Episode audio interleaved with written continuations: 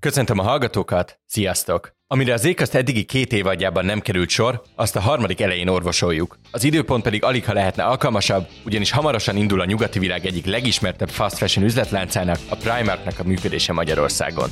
A mai adásban tehát az olcsósága mögött meg annyi környezeti és szociális aggályt hordozó öltözködésről fogunk beszélgetni, a vendégem pedig egy ismerős hang ebben a műsorban. Hamarosan érkezik hozzám a stúdióba Dobos Emese, a KRTK Világgazdasági Intézet kutatója és az Ékaszt első évadjának házigazdája. Én Nagy László vagyok, ez pedig az Ékaszt, a HVG fenntarthatósági podcastja. A műsort és új fenntarthatósági programjában a védett állatok élőhelyének megóvását a KNH támogatja. Dönts okosan, KNH. Innováció, fenntarthatóság, jövő. Emese, köszöntelek itt a stúdióban újra, most a mikrofon másik oldalán. Sziasztok, üdvözlök én is mindenkit! De amikor megbeszéltük, hogy ezt az adást megcsináljuk, akkor még úgy volt, hogy a Primark szeptemberben kezdi meg a működését Magyarországon, azóta sajtóközlemények és álhírek tömkelege kellett ahhoz, hogy tisztázzuk, hogy ez csak 2024-ben fog megvalósulni, de azért érzékeljük, hogy ez egy elég forró téma. Legelején azért szögezzünk le valamit. Aki esetleg nem találkozott még ezzel az üzlettel, vagy nem járt külföldön olyan helyen, ahol volt, el tudnád mesélni, mit érdemes tudni erről boltról, és miért övezi ekkora hype azt, hogy Magyarországon is megjelenik? Hát a Primark egy viszonylag régi múltra visszatekintő ruházati kereskedőcég. A 60-as évek végén alapították, írt, tehát alapvetően egy európai cégről beszélünk, és egy világéletükben az ilyen elérhető áron relatív minőséget kínáló termékeiről volt ismert. Ő, nagy részt egyébként Európában vannak jelen, ha jól tudom, akkor egy üzletük van Amerikában, és az elmúlt pár évben kezdtek el egyébként így közép-kelet-európában is terjeszkedni. És ugye a mai adás az abszolút a fast fashionről szól. El tudnád mondani azt, hogy mit definiálunk fast fashionként, és miért illik be tökéletesen ebbe a keretbe a Primark? Ó, ez egy nagyon izgalmas kérdés, mert ennek szerintem rengeteg ilyen jelentés rétege van, és az eredeti definíció az az, hogy azokat a ruházati cégeket hívjuk fast fashionnek, akik arra az üzleti modellre építették fel a működésüket, hogy megnézik azt, hogy mit látnak a nagy nemzetközi mindenki által ismert divatházaknak a kifutóin, és ezeket ilyen olcsó, tömeggyártott formában nagyon gyorsan az üzletek polcaira tudják ugye juttatni. És hogy itt ugye általában így a szellemi tulajdon védelem az ugye nagyon sokszor sérül ugye ebben a, ebben a tekintetben, és ugye nyilván azért viszonylag több évtizede így beszélnek arról is, hogy azért így környezeti aggályok is kapcsolódnak ehhez, hogy emberi jogi aggályok is kapcsolódnak ehhez, és hogy mondjuk így mondjak pár nevet, hogy tényleg így el tudják erre a hallgatók is helyezni, hogy a, az Inditex csoporthoz tartozó márkákat hívjuk elsősorban fast fashion márkáknak. Mint például? A, a Zara, Pull&Bear, Stradivarius, vagy éppen a mindenki által ismert H&M, a Siundát is annak tekinthetjük, a spanyol mangót is annak tekinthetjük, tehát hogy relatív sok szereplő van a piacon, viszont hogyha meg picit így hátralépünk, akkor azt is nagyon fontos szerintem, hogy lássuk, hogy ugye a fenntartató divatról rengeteget beszélünk most már. Tényleg minden fórumon, minden platformon, és hogy mindig így a fast fashion igazából az ős ellenség, meg hogy így mindenki rájuk húzza a vizes lepedőt, hogy így miattuk haldoklik körülbelül a föld, de hogy ne csináljunk már úgy, mintha mondjuk a luxusmárkák abszolút tökéletesen és etikusan működnének. Tehát, szerintem célszerű egyébként ezt eredeti fast fashion definíciót egy kicsit így kiszélesíteni, és mert hogyha meg abból indulunk ki, hogy olyan ruházati márka, akik mondjuk egy évben nagyon sok új kollekciót a piacra nyomnak, pont amiatt, hogy ösztönözzék azt, hogy folyamatosan újdonságokat lássanak a vásárlók, vásároljanak, fogyasszanak, emberi munkajogi agályok azok ugyanúgy luxusmárkáknál is felmerülnek. Ők is ugyanúgy dolgoznak szintetikus alapanyagokból, tehát hogy így itt alapvetően azt a működést, amit mondjuk így az eredeti értelemben vett fast fashion cégek honosítottak meg, az ugye annyira sikeres volt, annyira nyereséges volt, hogy ez így a fentebbi piaci kategóriákban is abszolút átszivárgott ez a, ez a mentalitás, ez a fajta attitűd, amit ugye ők meghonosítottak. Tehát magyarul a fast fashionnél a gyorsaságot az nem csak az jelöli, hogy milyen gyorsan jelennek meg új áruk az üzletben, hanem azt is, hogy ezek milyen gyorsan cserélődnek, és milyen gyorsan jutnak el a világ egyik pontjáról a másikra. Pontosan. Mondjuk azt, hogy mennyire gyorsan jutnak el, az, az ugye főleg, főleg egy nagyon-nagyon nagy lassúság van pont így a termék életciklusának a végén. Tehát, hogy amikor mondjuk arról beszélünk, hogy, hogy mi van a termékekkel, hogyha már ugye nem kellenek senkinek, vagy éppen a kereskedők már így, így az eladatlan készlet felett gondolkodnak, hogy jó, akkor ezzel mit kéne csinálni, akkor viszont azt látjuk, hogy gyakorlatilag az egész földet körbe kerülik hónapok alatt, mire így valahol kijutnak. Fut ezzel párhuzamosan a Mérlegen című üzleti podcastunk is, és abban pár héttel, hónappal ezelőtt volt egy adásunk, amiben egy egész szegmens szántunk a Sheen, vagy Shine, Shine, nem Ö, tudom. She- hogy- Shein, azt hiszem, a igen. Shein nevű márkára, amire, amire a Steffo és a Flóra abban az adásban az Ultra Fast Fashion jelzőt használták. Ez mit jelent, vagy hogyan lehet még gyorsabb a gyorsnál, mint amilyen gyors mondjuk a Primark, vagy amiket említettél? Még gyorsabb úgy tud lenni igazából, hogy ezek a kereskedők, mint például a Shein, vagy a Temu, vagy a Cider, hogy ők már ilyen napi több ezer új terméket tesznek fel, úgymond az ilyen virtuális polcokra. Tehát, hogy ők tényleg még gyorsabban reagálnak arra, hogy mondjuk így a közösségi médiában, vagy így az online terekben mik azok az ilyen icipici kis nanotrendek, amik így felévelőnek tűnik. Amúgy alapvetően szerintem úgy lehet jól megragadni a, a különbséget a, a fast fashion meg az ultra fast fashion szereplők között, hogy nagyon sok fast fashion szereplő alapvetően európai régebben alapították. Ilyen például, a, a, mit az előbb említettem, az Inditex csoport. Nagyon sok európai szereplő a 20. század második fele óta működik, és hogy igazából egy idő után állt rá erre a, a működési modellre. És hogy az elmúlt években meg azt láttuk, hogy gyakorlatilag így berobbant a piacra nagyon-nagyon sok ázsiai szereplő, ugye főleg kínai, hongkongi székhelyű cégekről beszélünk, mint ugye a Shein, vagy a, a Temu, vagy a Cider, ők pedig így teljesen felforgatták igazából a, a piacot, és most már így, így azt látni, hogy, hogy ö, tényleg ők így, így mindenkire hatást gyakorolnak, ugye azzal, ahogy működnek. Köszönöm, és akkor bontsuk le ezekre az elemekre, amiket említettél, mint a fast fashionnek a fő tartó pillérei. A laikus vásárló számára az olcsósága a legvonzóbb egy ilyen üzletnek. És közben említetted azt, hogy rengeteget utazik, nagyon gyorsan elkészül, nagyon nagy mennyiségben elkészül egy-egy termék, egy-egy adott ruhadarab. Hogyan tudják ezek a vállalatok ennyire alacsonyan tartani az áraikat, mind gyártásban, mind szállításban, mind akár az üzletek üzemeltetésében? Szerintem nagyon fontos egyébként, hogy legyen mindenki előtt, hogy olyan nincs, hogy valami olcsó. Tehát, hogy ott valaki fizet ezért, és hogy egy csomó oka van egyébként, hogy, hogy nagyon elérhető áron tudják ugye a termékeiket kínálni. Az egyik az olyan, hogy ténylegesen a gyártó az a munkás, aki mondjuk azokat a termékeket összeállította, hogy ők iszonyú keveset keresnek. Nagyon sokszor egyáltalán nem keresnek, mert egyébként az is jellemző gyakorlat a divatmárkák körében, hogy mondjuk, hogyha úgy látják, hogy nem fog annyira az a nem is tudom, mondok egy példát, kanári sárga blézer, már nem biztosak annyira benne az értékesítéssel foglalkozó munkatársak, hogy, hogy vinni fogják, akkor inkább lemondják a rendelést, és nem foglalkoznak azzal, hogy gyakorlatilag már több száz vagy több ezer kanári sárga blézert a kedvükért levartak, mondjuk egy, egy dél-kelet-ázsiai országban, hanem csak törlik a megrendelést. Egyébként a Covid alatt volt ebből egy, egy viszonylag nagy ilyen jogi vita is, hogy ugye a, a Viszmajor klauzulára hivatkoztak a cégek, és azt mondták, hogy de hát bejött a Covid, be kellett zárnunk az üzleteket, ne haragudjatok, nem tudtuk volna eladni, töröltük a megrendelést, és ugye itt, itt van egy nagyon erős hatalmi asszimetria alapvetően a, a vezetővilágmárkák és a divatmárkák, és alapvetően a gyártók között. És az is nagyon öm, dominál, hogy hogy ugye évről évre mindig ugye nagyobb a bevételük, mindig nagyobb a nyerességük, de ezt nem úgy érik el, hogy ők többet adnak el, vagy éppen öm, jobb haszonkulcsot tudnak kitalálni, vagy összeállítani, hanem hogy egyre és egyre kevesebbet fizetnek a gyártóknak. Tehát, hogy az az árés, ami eddig is nagyon-nagyon kevés volt, és mondjuk ilyen nagyon régen mozgott mondjuk ilyen 25% körül, 5-10%, nagyon sokszor mondjuk a fast fashion, ultra fast fashion márkák ilyen körülbelül 3%-ot fizetnek összesen annak a terméknek az előállításáért. Na már most, hogyha előtted van egy mondjuk egy eurós póló, akkor, hogyha kiszámoljuk, hogy ennek a 3%-a mennyi, akkor úgy, úgy össze lehet adni, hogy, hogy nem él éppenséggel luxusban, aki, aki gyártja.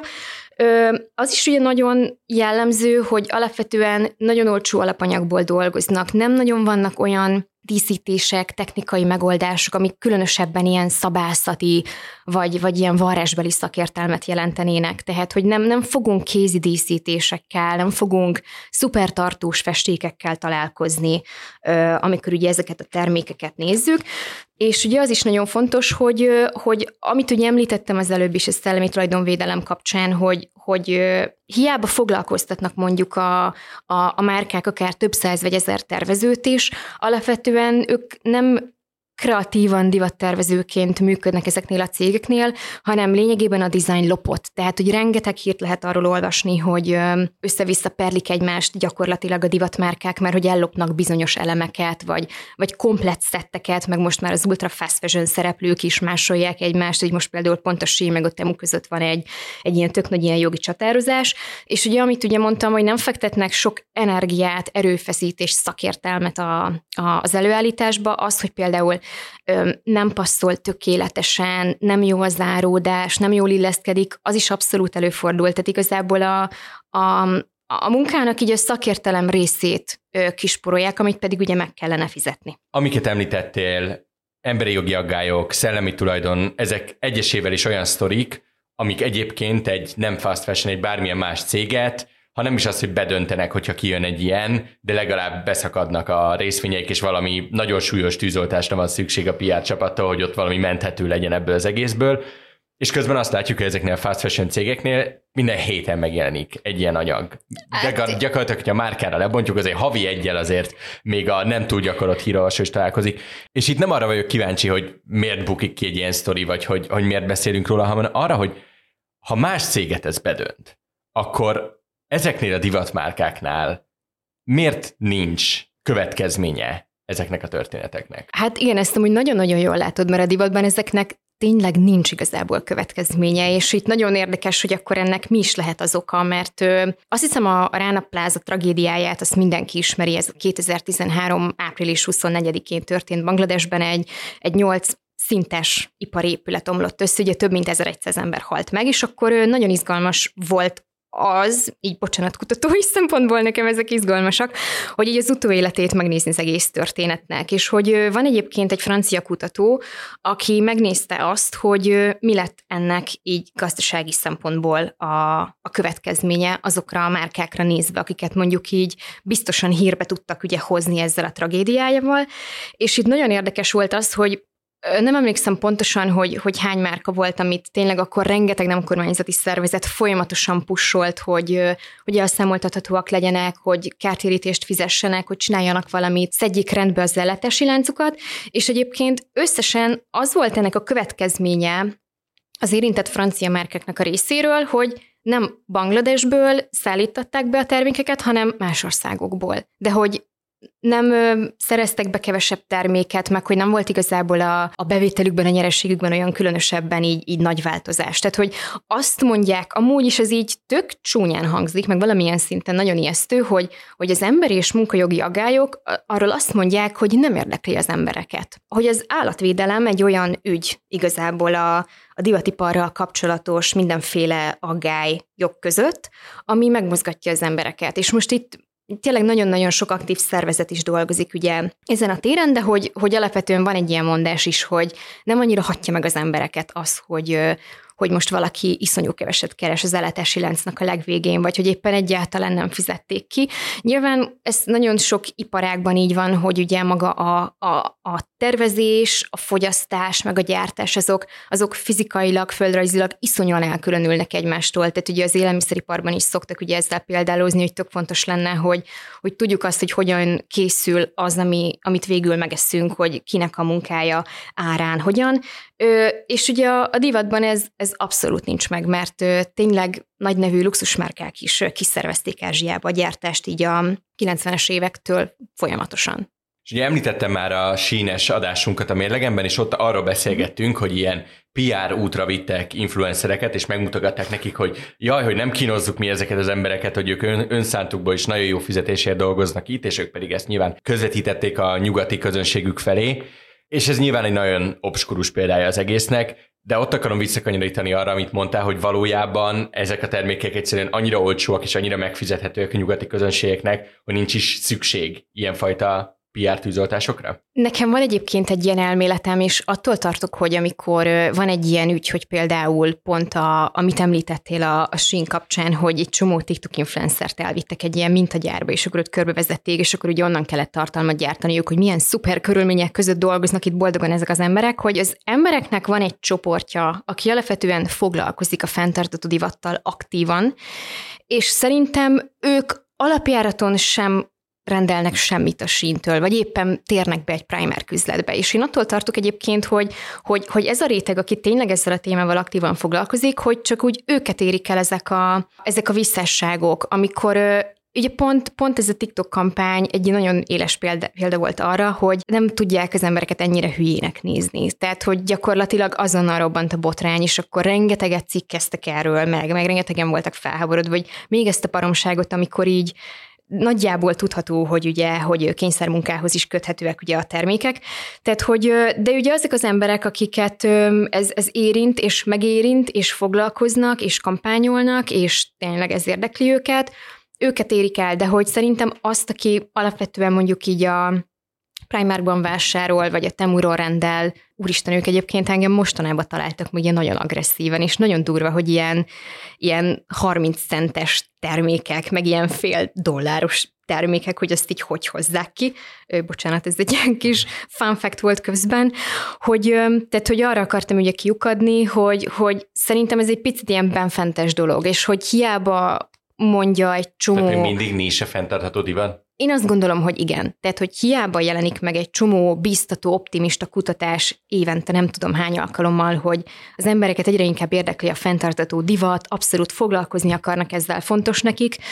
Ugye az egy dolog, hogy mondjuk ők elméletben, meg mondjuk amikor megkérdezik őket, akkor persze-persze nagyon fontos, de az, hogy mondjuk az anyagi lehetőségeik mit engednek meg, az ugye egy, egy abszolút másik kérdés. De hogy ő nem... Fe... ez ugyanaz a szemlélet, ami mondjuk a vegán slash vegetáriánus étkezésnél van, hogy így is úgy is megölik ezt az állatot, akkor miért ne egyen meg, így is úgy is legyártják ezt a terméket, akkor miért ne vegyen meg?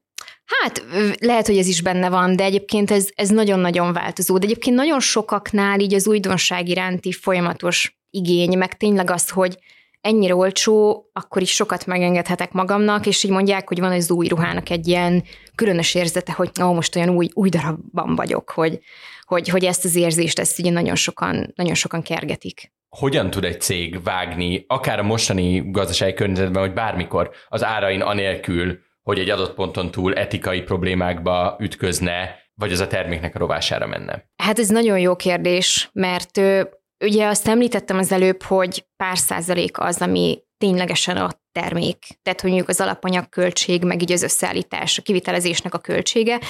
És most már egyre inkább ugye afelé tolódott el az egész iparág, hogy így a marketinget, a brandinget, meg így magát az értékesítést fizeted meg ugye ezek mögött. Tehát azt mondanám, hogy nyilván a legészszerűbb ben ezekben a, ezeken a szinteken lehetne vágni mondjuk a marketing költségekből, de, de nagyon sokszor ugye pont nem ezt látjuk, hanem, hanem a márkák inkább így a minőség rovására szoktak gyakorlatilag spórolni a, a költségeken.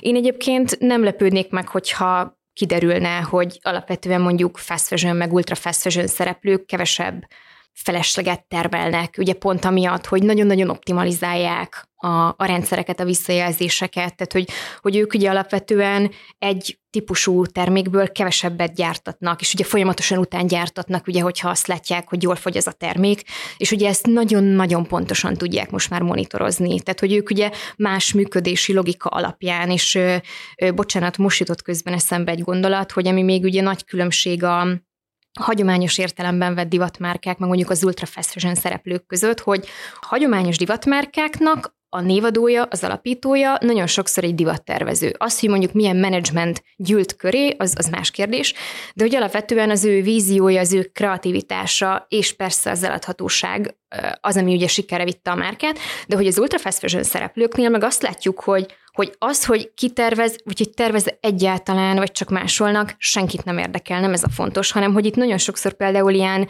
online digitális marketing szakemberek alapítják ezeket a cégeket, akik kereskedelemben jók, és abban nagyon-nagyon jók, hogy azt tudják nagyon-nagyon precízen monitorozni, hogy mi érdekli az embereket, és mit vennének meg. Köszönöm, és nagyon jó is, hogy említetted mindezt a felesleg, mind hulladék kérdés, mind a környezeti agályokat. Ezzel fogjuk folytatni, most azonban elmegyünk egy nagyon gyors kis reklámszünetre, átadom a szót Bánhalmi Katának, aki a Közjól című Wellbeing podcastunknak a házigazdája, el fogja mesélni pár szóban a műsort, ami pedig csütörtökön érkezik ezt az adást követően, mindenképp hallgassátok meg, utána pedig folytatjuk a mesével. Hogy vagy? Tesszük fel, és kapjuk meg a kérdést nap mint nap. Kösz jól. Halljuk és válaszolunk rá legtöbbször. De mit jelent jól lenni? A HVG két hetente jelentkező podcastjában erre keressük a választ. Minden adásban megvizsgáljuk a fizikai és lelki egészség egy-egy területét, nem csak felvetve kérdéseket, de meg is válaszolva azokat. Műsorainkban tudományos és szakmai magyarázatot adunk a mindennapi well-being kihívásaira, és gyakorlati példákon keresztül segítünk, hogy lépésről lépésre tudatosabban érezhess magad a bőrödben, mind fizikailag, mind lelkileg. Én Bánhalmi Kata vagyok, a műsor házigazdája, ez pedig a Közjól, a HVG új Wellbeing podcastja. Itt is vagyunk, és a szünet előtt említettem, hogy a fast fashionnek a környezeti lábnyomával folytatjuk, és elkezdtél már arról mesélni, hogy mit kezdenek a fennmaradt készletekkel a ruhagyártók.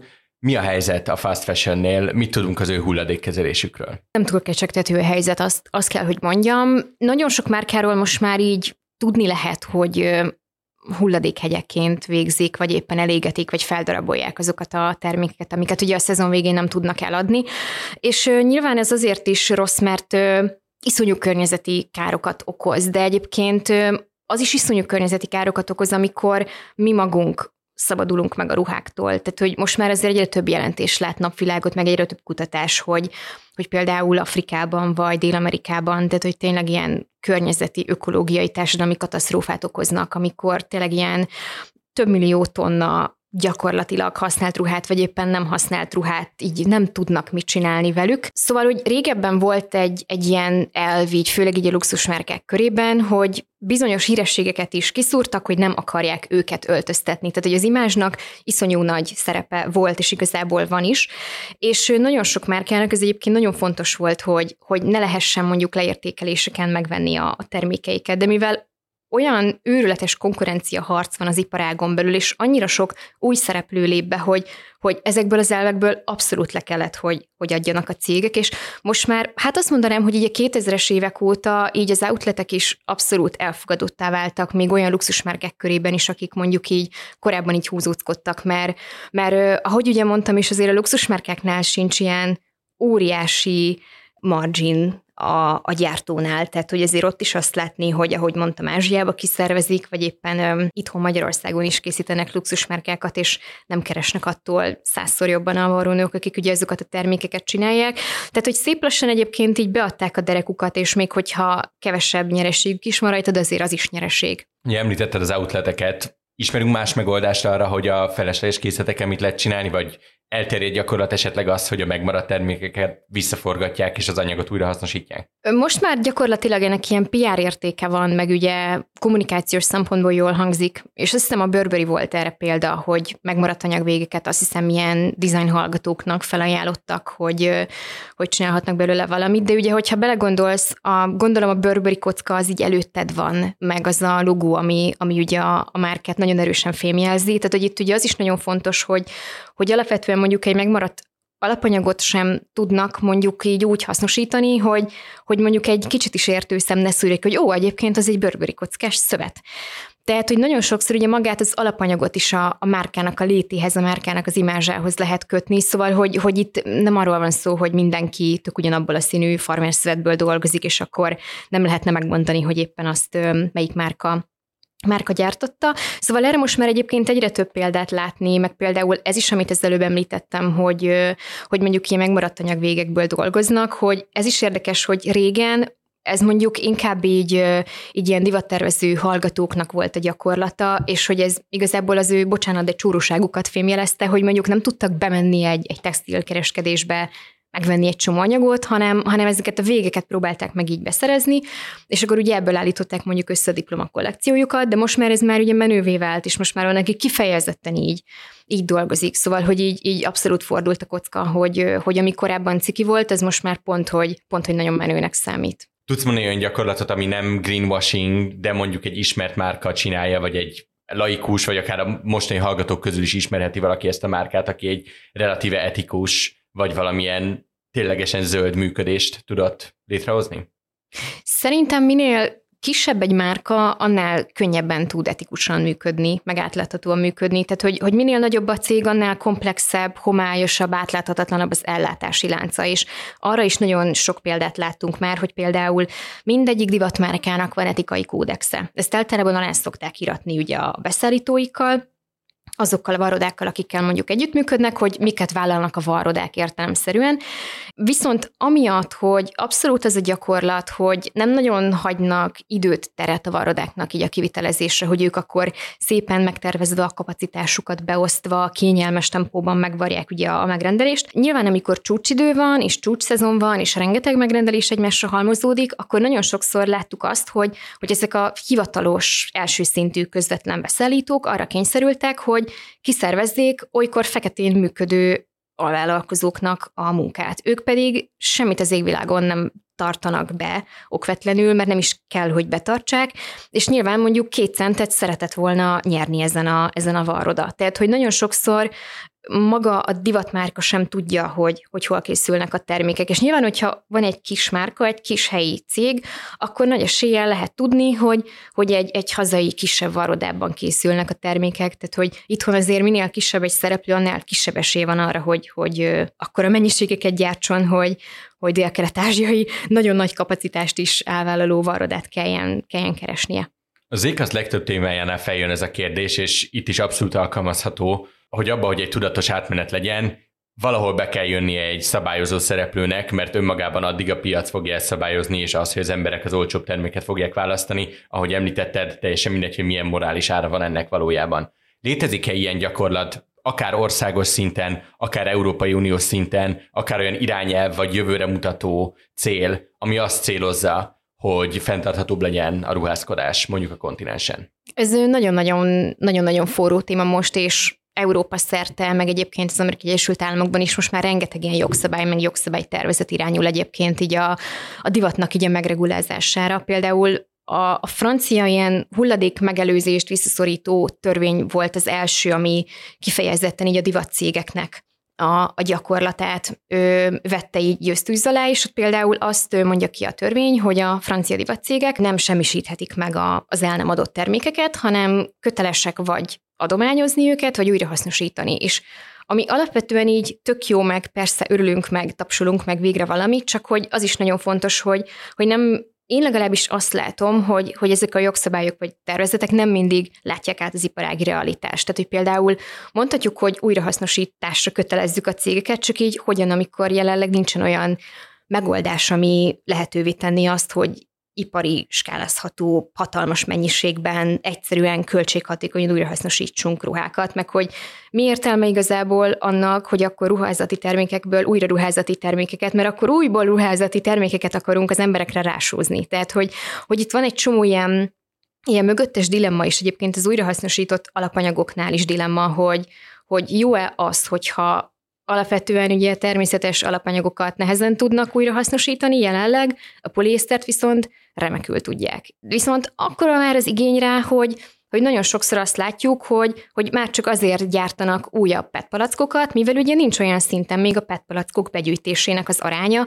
hogy abból érdemben tudnának. És ugye kell egy csomó energia hozzá. Tehát, hogy van egy csomó jogszabálykezdemény, és az, EU, az EU-n belül is egyébként van egy körforgásos és fenntartató textil stratégia, aminek például olyan elmei vannak, hogy az ökodizájnt szorgalmazzák, hogy, hogy figyelni kell arra, hogy, hogy javítható, minél hosszabb élettartamú, tartós legyen a, a termék, meg ha jól emlékszem, akkor például az újrahasznosított összetételnek az arányára is kitérnek, de hogy itt is például a, a társadalmi vonal, az, hogy az okvetlenül etikusan legyen legyártva, az, az úgy kevésbé jelent meg egyébként így dominánsan. Tehát inkább így a környezeti aggályok azok, amik, amik így megjelennek a, a törvényhozásban. A társadalmi hangsúly az inkább az USA-ban van jelenleg jelen, tehát hogy ott több olyan jogszabálytervezet van, ugye ott előbb volt ugye kifejezetten a, az újgur kényszermunkát visszaszorító törvényjavaslat. Jó, most nyilván erről egy külön podcast tudnánk csinálni, hogy, hogy akkor kereskedelem politikailag ez, ez mégis a két ország kapcsolatában így hogyan, hogyan is jelent meg, de hogy ott hangsúlyosabbnak látom egyébként magát a társadalmi oldal, de persze erre is van európai példa, mert Németországban egy olyan ellátási lánc törvény ö, lesz nem sokára, ahol ugye elszámoltathatónak tartják a cégeket, hogyha bárhol az ellátási láncukban valamilyen emberi jogi aggály történik, akkor ők azok, akik, akik bíróságra mehetnek. Most nyilván itt hosszasan lehetne arról beszélni, hogy ezeknek vajon milyen visszatartó ereje lesz, hogyha például nagyon elhúzódik az egész jogi folyamat, hogyha mondjuk utána kapnak egy relatív alacsony büntetést, hogy akkor mégis mi fogja őket ebben megakadályozni, de az, hogy átláthatatlan az egész ellátási lánc, az nyilván nem sokat segít az ügynek. Köszönöm, és térjünk rá az utolsó témára, az alternatíva kérdésére. Azért az elmúlt évben azt láttuk Magyarországon, hogy a kiskereskedelmi forgalom beszakadt, az embereknek sokkal kevesebb elkölthető pénze van, a ruházkodás pedig sokadik prioritás abban a sorban, aminek a tetején a nagyon drága energia és élelmiszerek találhatóak. Két kérdésem van ezzel kapcsolatban lezárásként. Az egyik az, hogy mit tanácsolnál annak, aki megfizethető és mégis jó minőségű dolgokra vágyik, a másik pedig az, hogy mik azok a ruhadarabok, amelyekbe szerinted érdemes úgymond investálni, mik azok, amikből egy drágább darab tényleg tovább kitart, vagy mi az, amire nem érdemes sajnálni a pénzt, mert egyszerűen idővel visszahozza majd. Ami szerintem nagyon-nagyon fontos, hogy nézzük meg az alapanyagot. Választok inkább a természetes alapanyagokat, mert nagyon sokszor sokkal tartósabbak egyébként, mint a, mint a szintetikus ö, szövetek, és az is nagyon fontos szerintem, hogy az, hogy másodkézből szerezzük be a ruhákat, az jelenleg ilyen kicsit szentgrálként jelenik meg, és és nagyon fontos az is, hogy attól még, hogy másodkézből szerzünk be valamit, mert bemegyünk egy használt ruhaüzletben, attól még ugyanúgy fast fashion, meg ultra fast fashion termékeket vásárolunk meg. Tehát, hogy nagyon fontos, hogy itt is inkább nézzük át. És nyilván most már egy csomó online tér is van erre, hogy másodkézből szerezzünk be ruhát, és ott talán kicsit azért egyszerűbb így, így keresni, meg böngészni. De egyébként szerinted pozitív fejlemény most a, a Vinted és hasonlóknak a működése? Ö, alapvetően szerintem pozitív, mert nyilván most, aki a podcastet hallgatja, az nem látja, hogy egy nagyon szép sejem Stella McCartney blues van rajtam, amit pár ezer forintért vettem egy, egy magyar lányra, és egyébként itt készült, tehát hogy benne van a, a Made in Hungary címke. Szerintem alapvetően pozitív, mert tényleg azt, hogy én benézek a ruhás szekrényembe, és van egy csomó szép darabom, de mondjuk már nem hordom őket, változott a stílusom, akkor igazából ezeken a platformokon kívül olyan nagyon sok lehetőségem nincsen, hogy ezektől így, így kulturált keretek között így megváljak. Mert most amúgy lomtalanításkor tudnám kirakni, meg, meg mondjuk eljárhatnék garázsvásárokra, meg ilyen különböző ruhacsereberékre, és mondjuk egész nap ott ülhetnék, hogy kell-e valakinek mondjuk a kötött pulcsim. Tehát, hogy szerintem ezzel nagyon sok időt, meg energiát lehet, lehet például spórolni, tehát, hogy én egyébként nem tartom egyáltalán ördögtől való, való dolognak ezeket, mert nyilván az embereknek erre igénye van, és nyilván a, a ruhás szekrényünk tartalmának egy tök is százalékát használjuk ki, meg hordjuk, és ugye ö, ezzel úgymond keresni is lehet. Viszont azt is szerintem érdemes tudni, hogy, hogy ugye a vintage is nagyon divatos lett, és, és az is nagyon fontos, hogy, hogy a mögé is lássunk egy picikét, hogy ugye nagyon sokszor azon, hogy ezek a vintage dílerek, hogy sokszor ők körbeutazzák a világot, és, és mondjuk iszonyú széndiokszid kibocsátás árán szerzik be nagyon olcsón valahol ezeket a termékeket, amiket itt utána sokkal drágábban adnak el, mint mondjuk egy prémium kategóriás terméket. De szerintem ez mindenkinek az egyéni ízlése, preferenciája, élethelyzete, hogy mennyit akar, mennyit szeretne ruházkodásra költeni, de ami szerintem fontos, az, az maga az alapanyag, hogy, és nyilván iszonyú sokat tudunk úgymond azon spórolni, hogyha vigyázunk rá. Tehát, tehát például rengetegen úgy tudom, hogy rengetegen tesznek tönkre ruhadarabokat szárítógépben. Vagy hogy például nem nézik meg azt a textilkresznek nevezett kis címkét a, a ruháknak a bal oldalában, ami ugye a mosási hőfokot, a javasolt mosási hőfokot tartalmaz, és akkor már is összemegy mondjuk egy apjú pulóver, vagy éppen kifakul a színe. Szóval, hogy egy csomó mindent meg tudunk egyébként mi magunk is egy nagyon pici odafigyeléssel tenni azért, hogy hogy egy, egy jó minőségű, jó alapanyagból készülő darab az így nagyon sokáig ki tudjon minket szolgálni. Emese, nagyon szépen köszönöm, hogy itt voltál. Nagyon szépen köszönöm a meghívást. A hallgatóinak pedig köszönöm szépen a figyelmet, az Ékaszt két hét múlva folytatódik, addig is iratkozzanak fel a HVG podcastokra és kapcsolják be az értesítéseket, ugyanis dübörögnek a fülke és az elvitele műsorai, debütált a mérlegen új évadja, és elindult a vasfüggöny és a köz jól is, nem maradjanak le, nem maradjatok le róla. Én Nagy Iván László vagyok, viszont hallásra! A műsort és új fenntarthatósági programjában a védett állatok élőhelyének megóvását a KNH támogatja. Dönts okosan, KNH Innováció, fenntarthatóság, jövő.